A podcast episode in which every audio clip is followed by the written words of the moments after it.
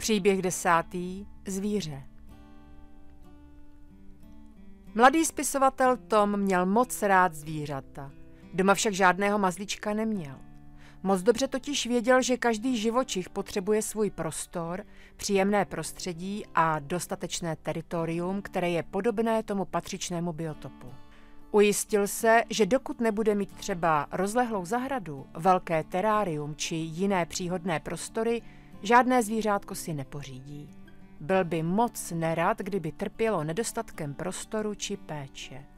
Každé zvíře totiž potřebuje hodně pozornosti a jistou míru volnosti. Tomovi ale nevadili třeba pavouci, kobylky a jiní drobní živočichové, kteří občas zavítali do jejich domova. Chlapec je vždy prohlédl a dbal na to, aby se pak živí dostali opět do venkovního prostředí. Ke komárům, mouchám a podobnému obtížnému hmyzu měl však stejný postoj jako všichni lidé a pokud nebylo zbytí, tak je zkrátka zaplácnu. Nedávno se dostala Tomovi do ruky kniha o zajímavých skupinách drobných živočichů, kteří žijí v absolutní temnotě. Říká se jim troglobionti a jsou zvláštní tím, že nemají vyvinuté oči a naopak jejich končetiny a tykadla jsou uspůsobena tomu, aby se mohli orientovat a pohybovat v úplné tmě. Žijí v jeskyních a propastech a tyto populace různých skupin živočichů se vyvíjely a přizpůsobovaly životu ve tmě třeba až desítky milionů let. Nejčastěji se jedná o brouky, pavouky, mnohonožky, stonožky, stejnonožce, chvostoskoky a další. Existují i slepí jeskyní obratlovci, ryby a také bílý obojživelný mlok zvaný macarát. Tom si v poslední době s rodiči na toto téma často povídal a říkal si, že by jednou chtěl vidět takové zvláštní živočichy na vlastní oči. To by bylo ale určitě velmi nebezpečné, pravila maminka při jednom takovém večerním povídání. To jistě ano, říká Tom, ale někdy si říkám, je něco více nebezpečné než jízda autem po silnici nebo po dálnici? No to mi povídej, říká tatínek. Člověk, aby měl za volantem pořád oči na stopkách a myslel ještě za ostatní. No vidíš, tati, odpověděl Tom. A takový jeskyní brouk oči na stopkách mít nemůže, protože vlastně žádné nemá. Všichni se zasmáli a po večeři šel Tom do svého pokoje. Úkoly do školy měl hotové a pak si mohl v klidu sednout k psacímu stolu a rozsvítil svoji krásnou kouzelnou lampičku. Přivřel oči a spatřil travnatou plochu prérie a na konci zvláštní skalky s otvorem. Vzal pero a začal psát. Na jihu Spojených států byla malá osada, kde žilo na svých farmách asi deset rodin. Pobývali zde nerušeně, bez konfliktů, vzájemně se respektovali a když bylo třeba, táhli za jeden pro vás. Každý sice měl rád své soukromí, ale často se scházeli a děti si samozřejmě společně hráli. Jednou se vydali dva starší chlapci s mladší sestrou jednoho z nich trochu dále do prérie. Krajina byla přehledná, věděli, kterým směrem jdou a navíc bylo krásné počasí. Došli k místu, kde tráva přecházela v ohraničenou písečnou plochu. Na konci této nevelké polopouště byla výrazná bílá skaliska. Děti to docela zajímalo a tak se těch pár set metrů ke skalkám vydali. Když už byli nedaleko, zjistili, že v největším skalním výčnělku je otvor, portál do jeskyně. Zastavili se a místo pozorovali. Po chvilce se v černém portálu objevilo cosi bílého. Bylo to divné. Rozeznali úzké tělo, kulatou hlavu a dlouhé končetiny. Upřeně sledovali toto podivné stvoření, které se k ním začalo zvláštními pomalými kroky přibližovat. Děti znejistili. Ani se nepohnuli, ale cítili trochu strach. Bílá bytost šla pomalu k ním Měla necelý metr na výšku. Na kulaté hlavě měla dvě prohlubně bez očí, pod nimi dvě dírky a kulatý otvor v místě, kde má člověk ústa. Bytost byla velmi divná a působila velmi strašidelně. Děti dostávaly větší a větší strach a když ten tvor byl od nich asi 20 metrů, Dala se s křikem na útěk. Jeden z chlapců se otočil a viděl, jak tam bytost stojí a nehýbe se. Bylo to zvláštní až mrazivé. Když děti doběhly domů, věděli, že už se nemusí bát.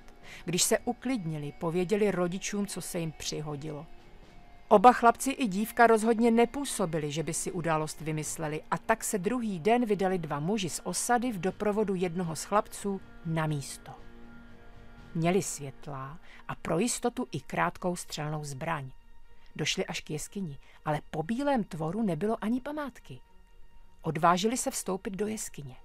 Na prostornou sluj za mohutným portálem navazovala přímá jeskyní chodba bez krápníků, která se postupně zužovala. Zužovala se až na těsné rozměry, které už ani chlapec nedokázal prostoupit. Přesto chodba ve tvaru pukliny pokračovala dále. Když se s nepořízenou vrátili, všichni z osady se sešli, včetně dětí, a o té události si povídali. Dívka, která také tvora spatřila, krásně kreslila a namalovala ho tak věrně, že i chlapci potvrdili, že je to přesně ta zvláštní bytost. Jeden z osadníků si vzpomněl, že má doma starší knihu o skalních a jeskyních kresbách a malbách. Zaběhl do domu a knihu přinesl. Když prolistovávali krásná vyobrazení pravěkého jeskyního a skalního umění, narazili na jednu kresbu postavy vyrytou na skalní stěně. Tvar i proporce postavy byly úplně stejné, jak to dívenka nakreslila. A nejpodivnější byla tvář toho stvoření. Místo očí mělo jen velké prohlubně. Příběh jedenáctý. Nález. Hledači pokladu existovali už od dávného starověku. Ku příkladu vykrádání hrobek egyptských faraonů bylo už v té době zcela běžné. To se samozřejmě přeneslo i do dob pozdějších. Za válek nebo z jiných důvodů lidé skrývali své bohatství na různých utajených místech, hlavně ve slujích, jeskyních, hluboko mezi kořeny výrazných stromů, tak, aby si pamatovali, kde své cenosti ukryli. Nevždy je však původní majitelé z úkrytů vyzvedli a tak hledači navštěvovali všechna místa, kde by se mohl daný poklad nacházet a občas byli úspěšní. Existují však i jiné poklady. Ty, které se nedají tak snadno speněžit jako zlaté či stříbrné mince nebo šperky. A pro archeologa je pokladem i keramický střep nebo starý železný hřebík. O tom všem si dnes děti povídali ve škole s panem učitelem dějepisu. Dozvěděli se, že každý nález na nějaké významné historické či pravěké lokalitě je důležitým kamínkem mozaiky poznání. Mnohdy i na první pohled bezvýznamná věc či úlomek může mít nesmírný přínos. Může doplnit a upřesnit historický vývoj daného místa. Na konci hodiny pan učitel vyprávěl, že se na různých místech na zemi našly věci, které vůbec nezapadají do dané doby a archeologové si s nimi pak nevědí rady. Nedokáží vysvětlit, jak se tam ten nález mohl dostat, protože je vyroben z materiálu, který lidé v těch dobách třeba vůbec neznali. Odpoledne šel Tom s rodiči do blízké kavárny na zmrzlinu a chlapec, jako vždy, povídal o tom, co bylo ve škole a hlavně, co jej zaujalo. Byl plný dojmu popisoval, že se našlo na zemi mnoho věcí, se kterými si ani ti nejvěhlasnější archeologové nevědí rady. Tedy řeknu ti, Tome, praví tatínek, ten váš učitel dějepisu to je fakt borec. Škoda, že jsem někoho podobného na základní škole neměl. Ten náš dějepisář pořád jen omílal letopočty a běda, jak se někdo spletl, hned měl o stupeň horší známku. To je škoda, tati, říká Tom, ale stejně se stal nakonec historikem, i když ten učitel nebyl tak zábavný jako náš. Letopočty nám ale také umí podat. Krištof Kolumbus doplutí do Ameriky bylo kdy? Vybavil na Toma táta. 1492, reagoval hned Tom. Ale no tak, uklidnila situaci maminka. Jsme na zmrzlině a ne ve škole. A všichni se zasmáli. Zmrzlina byla moc dobrá. Tom měl nejraději jahodovou a tak si dal dva lahodné kopečky. Po večeři se Tom odebral do pokoje. Byl pátek, tak druhý den nemusel vstávat. Chvíli si četl a až byla tma, rozsvítil lampičku. Její světlo zalilo útulný pokoj zelenavou barvou a Tom zasedl k psacímu stolu.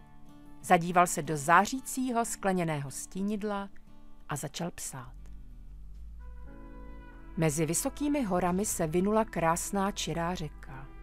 V její nivě, plné šťavnaté vegetace, se proháněla zvířata. Byli to hlavně chobotnatci a srsnatí nosorožci. V čistých vodách řeky bylo plno ryb a krajina byla krásná a zachovala. Hotový ráj. Přišel okamžik, kdy však zvířata strnula. Rozhlížela se kolem a pak se dala na bezhlavý útěk od nikud nikam, jako by něco zlého tušila.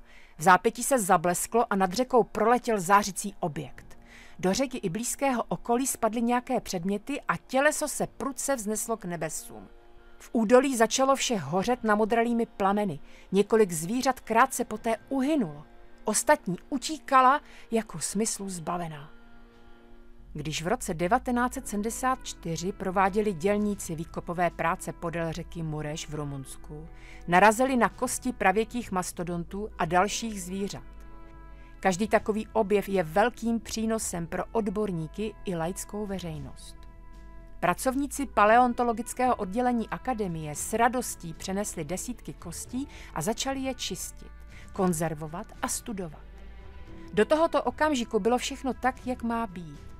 Jenomže ve stejně starých vrstvách usazenin nalezli dělníci ještě něco. Jakýsi kovový předmět ve tvaru klínu s otvorem. Na první pohled měl velmi propracovaný tvar. Rozhodně nebylo dříve nic podobného nalezeno z tak starého období. Předmět měl zvláštní patinu a vypadal velmi opotřebovaně. Nález byl podroben podrobnějšímu zkoumání. Největší překvapení čekalo vědce, když zjistili, z jakého materiálu byl vyroben. Skoro 90% kovu tvořil hliník, dále pak měď, zinek, nikl, křemík a kadmium. Toto složení přibližně odpovídá moderní slitině duralu. Bylo to naprosto šokující. Hliník byl totiž objeven až v 19. století a průmyslově se začal vyrábět až v roce 1877. Patina na nálezu byla vrstva silná, oxidu potvrzující stáří stovek nebo spíše tisíců let. Předmět byl podroben opakované analýze, která potvrdila nejen složení, ale i stáří. Vědci se začali zabývat otázkou, jak se taková věc dostala do neporušených pravěkých vrstev sedimentů. Avšak logického vysvětlení se nedopátrali. Nález byl pak vystaven v Historickém muzeu až do roku 1995. Poté byl uložen na neznámém místě a běžný člověk už jej nemůže spatřit. Byla to skutečně součástka nějaké mimozemské lodi, která před více než deseti tisíci lety prolétávala nad územím dnešních rumunských Karpat a měla nějakou poruchu? A přitom některé součástky odpadly do údolí řeky a hořící palivo způsobilo požár?